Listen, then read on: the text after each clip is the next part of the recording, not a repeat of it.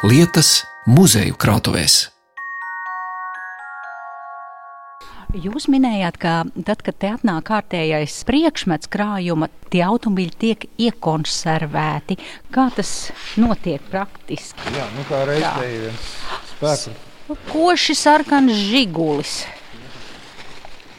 Ļoti agrīns Vazas markas trešās sērijas automobils. Var redzēt, ka, ja, ja mēs paskatāmies citiem, ir visas šīs chromētās daļas spīdīgas un tādas, tad te viss no vizuāli redzēt, ka ir nomatēts un liekas, ka ir kaut ko vai pārklāts vai kas nu, tāds. Tas ir kā automobīls tiešām labā stāvoklī un spēkrats ir tā vērts, lai viņu saglabātu. Tad mēs pirms viņu, kā saka, noliekam krājumā.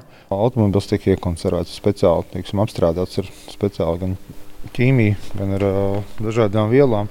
Tīpaši tos formētās detaļas tiek pārklātas ar tādu saudzējošu, konservējošu materiālu. Pie nepieciešamības jau šādu spēku vajag izstādīt kādā izstādē vai ekspozīcijā, un to visu noņem no un automobils iegūst savu teiksim, posmu, tāds kāds tas ekspozīcijā ir redzams. Simtiem dažādu automašīnu rindu rindās stāv astoņu hektāru lielā platībā, sākot no mopēdiem līdz bruņu transportieriem un autobusiem. Kā saka mans sarunu biedrs, Rīgas motoru muzeja vadītāja vietnieks Agris Šmits, šeit muzeja krātuvē spēkrats stāv un gaida savu zvaigžņu stundu.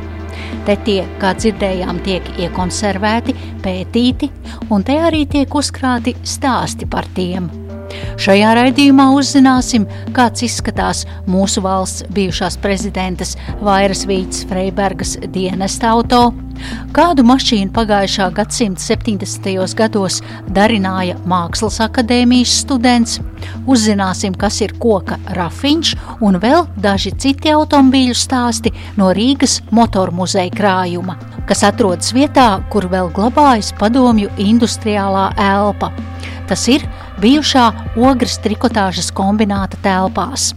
Milzīga platība, kur grīdas vēl klāja aplupis linolejs, un pie griestiem vīd apkvēpuši ventilatori un lampas no tiem laikiem, kad te dūca vērpjamās, adāmās un šujmašīnas.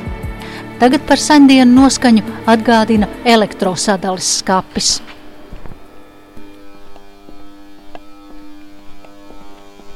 Ēka ir uh 60. gadu vidū sākta būvēt. Tajā laikā arī šobrīd ir faktiski viena no lielākajām ēkām vienlaidus zem jumta. Ja nemaldos, šeit ir 8 hektāri kopumā ēkā ar atsevišķu dzelzceļa ievadu rūpnīcās. Nu, kā jau padomu laikos tika tas būvēts, un pat cik pats esmu ogrenietis mums šeit organizēt jā, laikā skolas ekskursijas uz triktāšu kombinātu. Tas likās kaut kas monumentāls un nesagraujams. Un, protams, 90. gados, kad no ekonomiskā situācija krasi mainījās, arī šis pieprasījums, kas bija pamatā no bijušajām Padomju Savienības republikām, kritās.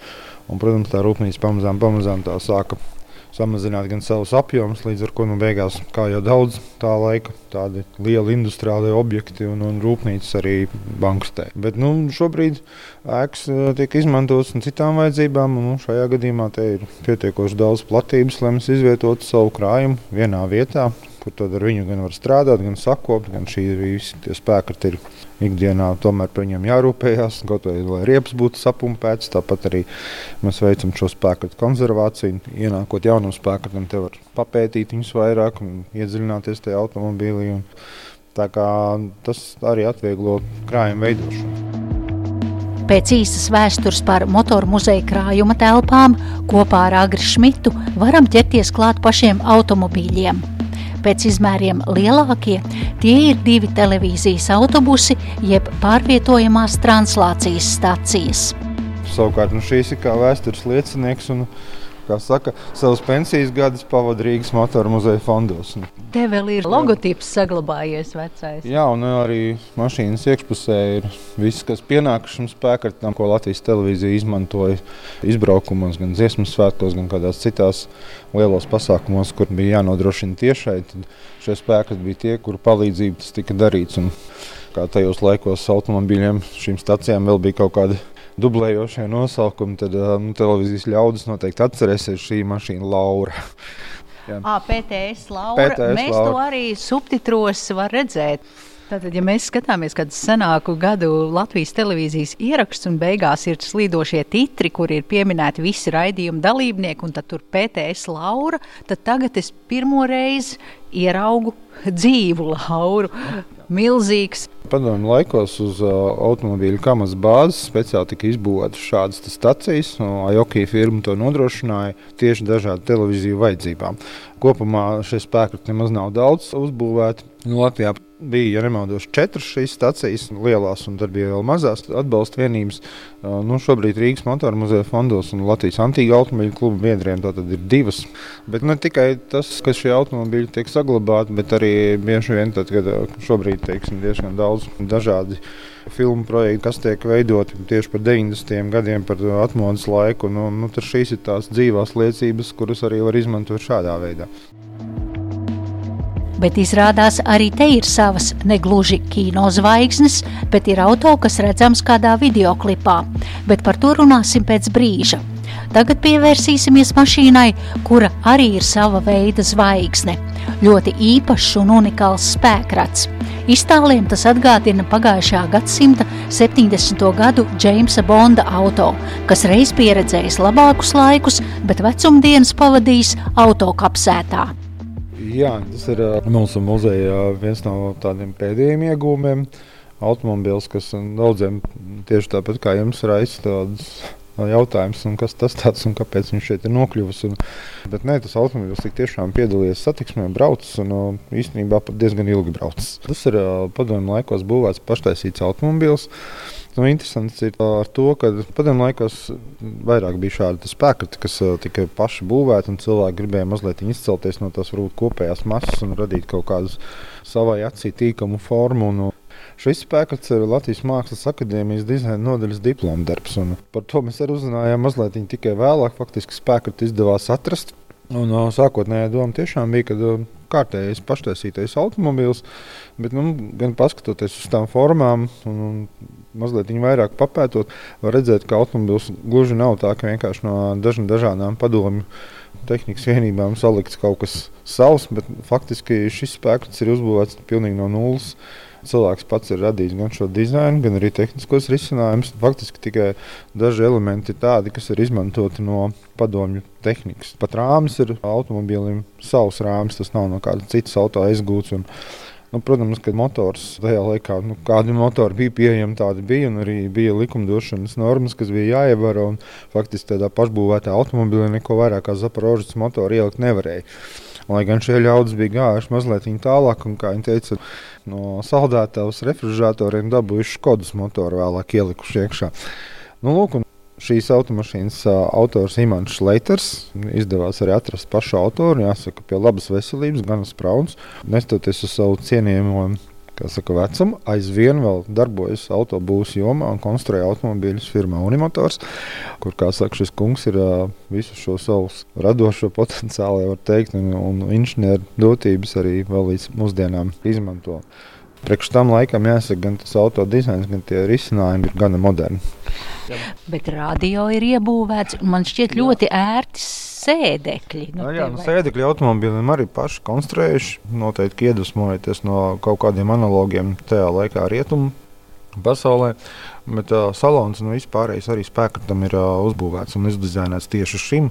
Nav nekas tāds īpaši aizgūts un vienkārši paņemts un nokopēts. Pat uh, instrumentu panelis ir radīts tieši šai mašīnai. Uh, Atsevišķi elementi tur, protams, no tā laika vaza automašīnām ir, bet nu, jāsaka, cik ir redzēts pašbūvēties spēki, tad šis ir unikāls ar to, ka te ir ļoti, ļoti minimāli kaut kas, kas ir aizgūts no padomju tehnikas. Jo. Bet kas uzreiz izlasīt šai mašīnai ir arī dots nosaukums, kas Jā. tev uz paneļa ir latvisks un skanīgs - dzinda cilvēkam, kas šo spēku bija pabeidzis un lietoja.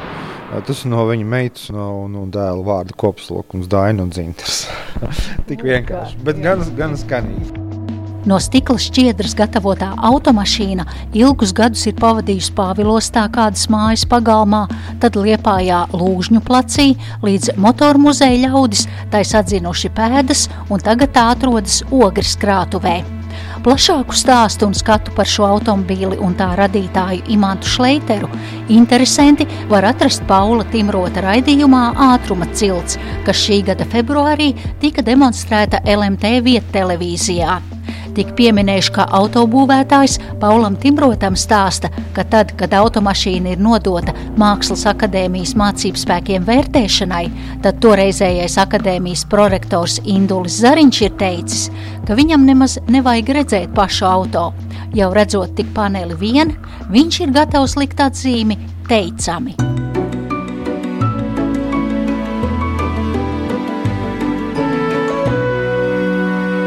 Vietu lietas.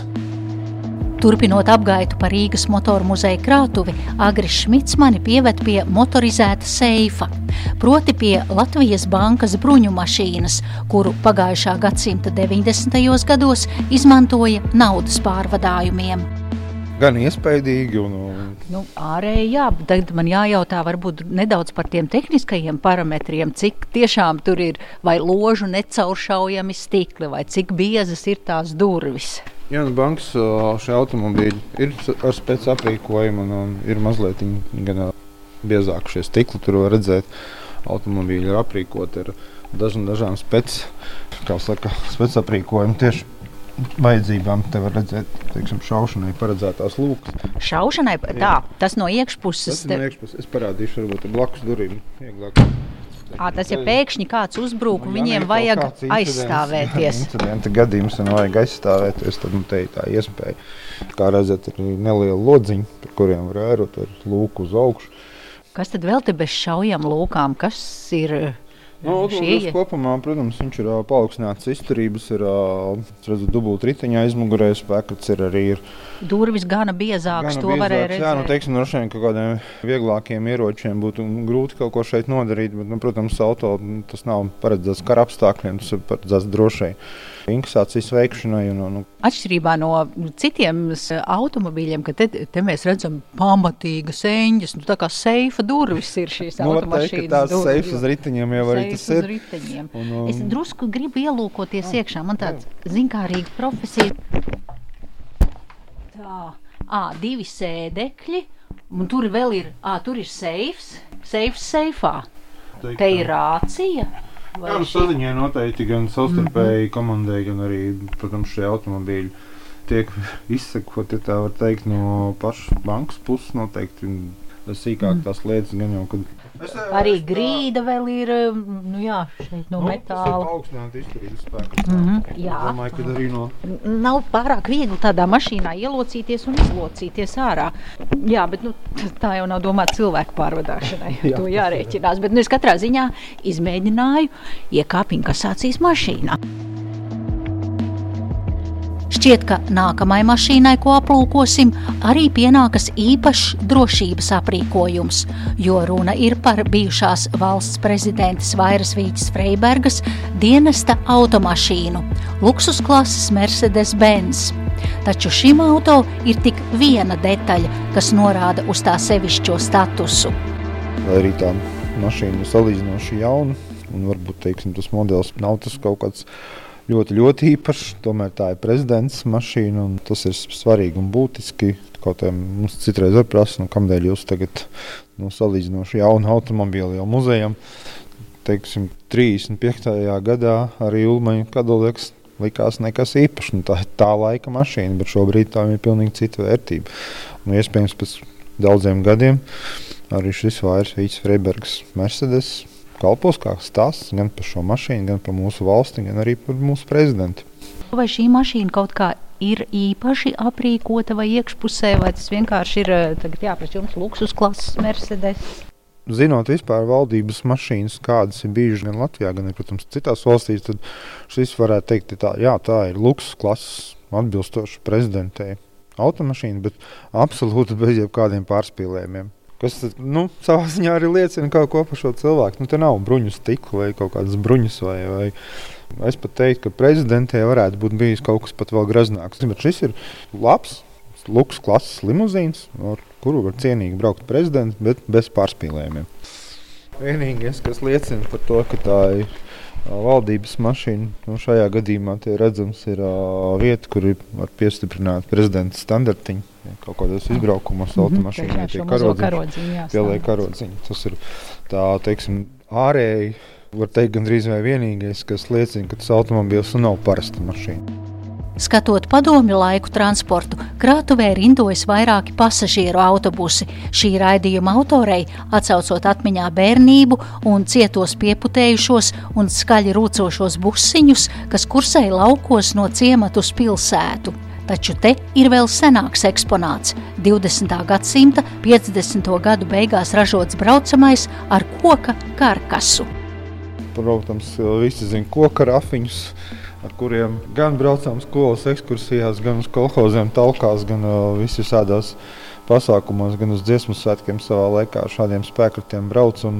Koka rafiņi. Koka rafiņi, jā, tā viņu sauc, un tas nav vienkārši kā iesalku, bet tur uz priekšu tālāk paiet. Mēs tieši vienu no šādiem spēkratiem esam atstājuši, jau var teikt tādu pusizģērbu, lai varētu redzēt, ka uh, viņš tik tiešām būvēts no koka.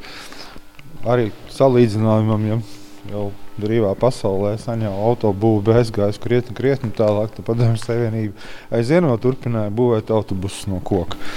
Un pamats kravas automašīnas šasīs, uz kuras bija no koka uzbūvēts karkas, kas tālāk tika apdarīts ar metāla loksnēm. Un, uh, diezgan ilgi braukāja šādi busiņi pa Latviju. Faktiski aizstāja viņus nākošais modelis, kas bija jau pazudis automobīls paz. Mazizmēra autobusu. Tā var redzēt visu to skeletu, skeletu to autobusu. Tur tiešām rādīt, ka tas viss ir no koka. Nu, pamatā viss autobuss ir no koka. Tikai apdarīts ar metālu. Un, protams, ka tas autobusu mūžs bija nu, krietni, krietni īsāks nekā tad, ja tas būtu no metāla. Un, koks tomēr ir koks, un pie kaut kādām varbūt arī sadursmēm par drošību tam vispār nav vērts runāt. Nemaz. Amortizācija, oh. es domāju, tur braucot nu, pa grambainiem ceļiem. un, protams, kad arī laika apstākļi ietekmēja, un nu, pie tam šis konkrētais autobus jau ir, izstās, ir izgājis jau cauri, saka, vienam remontam, un uh, ir atjaunotas detaļas, un tās pašas koka atkal liktas virsū. Nu, citu loģiski jau neko nevarēja izdarīt. Uh, vienkārši nomainīt beigtās koka detaļas pret jaunām koka detaļām. Un tā arī tika eksploatēta. Līdzās RAF koka opītim stāv jaunāku gadu mikroautobusi Latvija, un to vidū ir arī tāds padomi laiku neierasts eksemplārs kā RAF traileris. Tas ir dzīvojamais vagoniņš, pēc mūsu ziņām laikam vienīgais. Mēs esam atraduši, ka Krievijā vēl viens tāds ir Protams, ka tas netika palaists saka, uz konveijera ražošanā, bet nu, tādi ir uzmodelējuši. Iespējams, varbūt kāds ir pasties, kā rietumnieki tajos laikos dzīvoja, kad brauc ar kemperiem uz festivāliem un visādos ceļojumos. Un, un tad izdomāja, ka varbūt arī uh, uz rafiņa varētu kaut ko tādu uzbūvēt. No vienā eksemplārā tāds ir arī uzmodelēts, bet nu, ražošanā nav aizgājis. Nu, kā izdevās pašus rafiešus sastāvēt, viņi teica, Nu, padomju cilvēkam nebija jāatpūšas, padomju cilvēkam bija jāstrādā. Līdz ar to droši vien šāda ideja ļoti tālu neaizgāja. Līdz ar to šis faktiski ir vienīgais eksemplārs, kāds ir uzbūvēts. Un... Aprūsējis balta kabīna vadītāja uz rafu busiņa. Kemperis, teiksim, uz busiņa uzbūvēts kemperis, kur varētu būt iekšā, kur gulēt. Un... Lūk, saliekams galdiņš. Jā, nu, ir pat arī, lūk, arī pat, pat, plaukts. ir, pat ir plaukti, mazas virtuvīti un pat toleti. Nu, bet tad jau nu, nu, viss ceļošanai standartiem. Ļoti pat labi. Un te ir uh, nākošais ir uh, luks modelis, ko arī nav tāda netipiska rafa marka. Ar paaugstinātu arī to jumtu un iekšā paaugstināts komforta salons. Te var redzēt. Kuri gadi tie ir? 80. Pamatā 80. gadi. Vairāk teiksim, komforta ir salonā, ir augstāki griezti un teiksim, mīkstāki sēdekļi un apvilkta ar audumu. Noteikti cilvēki pamatā atceras kā tādu maršrutu taksometru, kurā bija nu, 11 cilvēki, varēja sakāpt. Tad, te ir salons paredzēts faktiski pieciem cilvēkiem. Un, un ar krietni, krietni augstāku tā, tam laikam to aprīkojumu un arī Am. komforta salonu. Nu, tādas arī, protams, neražoju lielā skaitā, un tas nebija pieejams katram. Cik mēs papētījām, tas ir dažādiem kultūras darbiniekiem. Tas ir filharmonijā, laikam, esat bijis tāds viens no kaut kādiem māksliniekiem, uz kaut kādu izbraukumu. Un, un arī, protams, kaut kādiem partijas funkcionāriem, lai ērtāk kaut kur aizbraukt. Bet tā kā nebija tāda tipiska rafa mašīna. Blakus vadītāja sēdeklim ir arī galdiņš iebūvēts finiera. Jā, varēja, nu, tas ir droši vien vairāk domās tiem, kas sēž aizmugurē. Jā, protams. Bet, bet, uh, jā, gan, un arī šīs atzvalknes ir atlaižamas. Te var arī teiksim, gulēt, tas būtu nepieciešams. Ļoti augstu viļņi. Tie. Nu, tam laikam, protams, ka tas ir tāds komfortabls automobils. Uz debeszilā ar baltām svītrām dekorētā busiņa arī rotājas uzlīme Naisplēs, Latvijas suvenīru un papīrlietu ražotāja logotips. Ja iespējams, padomju laikos ar šo busiņu tika vadāti radoši aprindu ļaudis, tad arī 2006. gadā kādu laiku šis vāģis kalpoja mākslinieciskiem mērķiem. Par to attālināti ierakstītā sarunā stāsta bijušais busiņa īpašnieks, uzņēmuma Naisplēs direktors, arī līvu valodnieks, tulkotājs un dzēnieks Valds Enštreits. Savu laiku, tad, kad uh, tika veidots uzņēmums Neisplēs, un, un mēs sākām darboties ar suvenīru ražošanu, tad radās tāda iecerē, ka varbūt atjā, mēģināt izveidot arī tādus mobilos tirdzniecības punktus, izmantojot tieši Latvijā ražotus busus, tās pašas Latvijas. Un tajā brīdī faktiski es arī sāku meklēt šos busiņus, salīdzinoši labā stāvoklī, kas varētu būt. Un pavisam nejauši sanāca tā, ka Ieslodzījuma vietu pārvalde rīkoja autotransporta izsoli. Starp um, tiem autotransportiem bija arī šis zilais rafbusiņš. Bet uh, šis te busiņš konkrētais bija ejošs. Atradās viņš, ja nemaldos, tieši Matīs cietumā, jebkurā gadījumā tajā cietuma kompleksā. Viņš tika izmantots arī uh, cietuma vajadzībām. Un uh, tad es laikam biju vienīgais, kurš aizgāja apskatīties šo uh, busiņu. Un, redzot, ka principā, tas stāvoklis ir ļoti labs, tad arī es piedalījos izsolē. Un jāsaka, ka izsolē es biju ļoti pārsteigts, ka tā cena kāpa. Un to solītāju bija gana daudz, bet uh, tas, kas tur izsoles laikā izkristalizējās, ka lielākā daļa pirka tās mašīnas vienkārši par metāla lūžņu cenu. Respektīvi, viņi zināja, cik kilogramos tas ir cik daudz naudas var iegūt nododot to transportu un cik lielu peļņu var dabūt no tā transporta nodošanas metāla lūžņos. Tāpēc nu, sanāca tā, ka tā zemākā cena laikam bija 170 lati toreiz, bet tā cena uzkāpa līdz pāri pa 300. Jā, tas bija tas, kā mēs tikām pie paša busa. Un, uh, Pēc tam mēs faktiski arī ar viņu ik pa brīdim šur tur arī izmantojām un pabraukājām um, arī uz kaut kādiem tirdziņiem. Un, un uh, tā. Citu tas būsiņš ir piedalījies arī vienā video klipu filmēšanā savu laiku, un tas ir instrumentu video klips apēst tevi. Tur to būsiņu var redzēt. Tu tik skaisti mani mīli, un tik slaidi putni slīd. Gaisā lidot domas tādas, kas kā jāņķārpiņi mirgo. Pietiek mīlestības manas, diviem lieliem čemodāniem. Liku likām būtu gana, viena sešiem miljardiem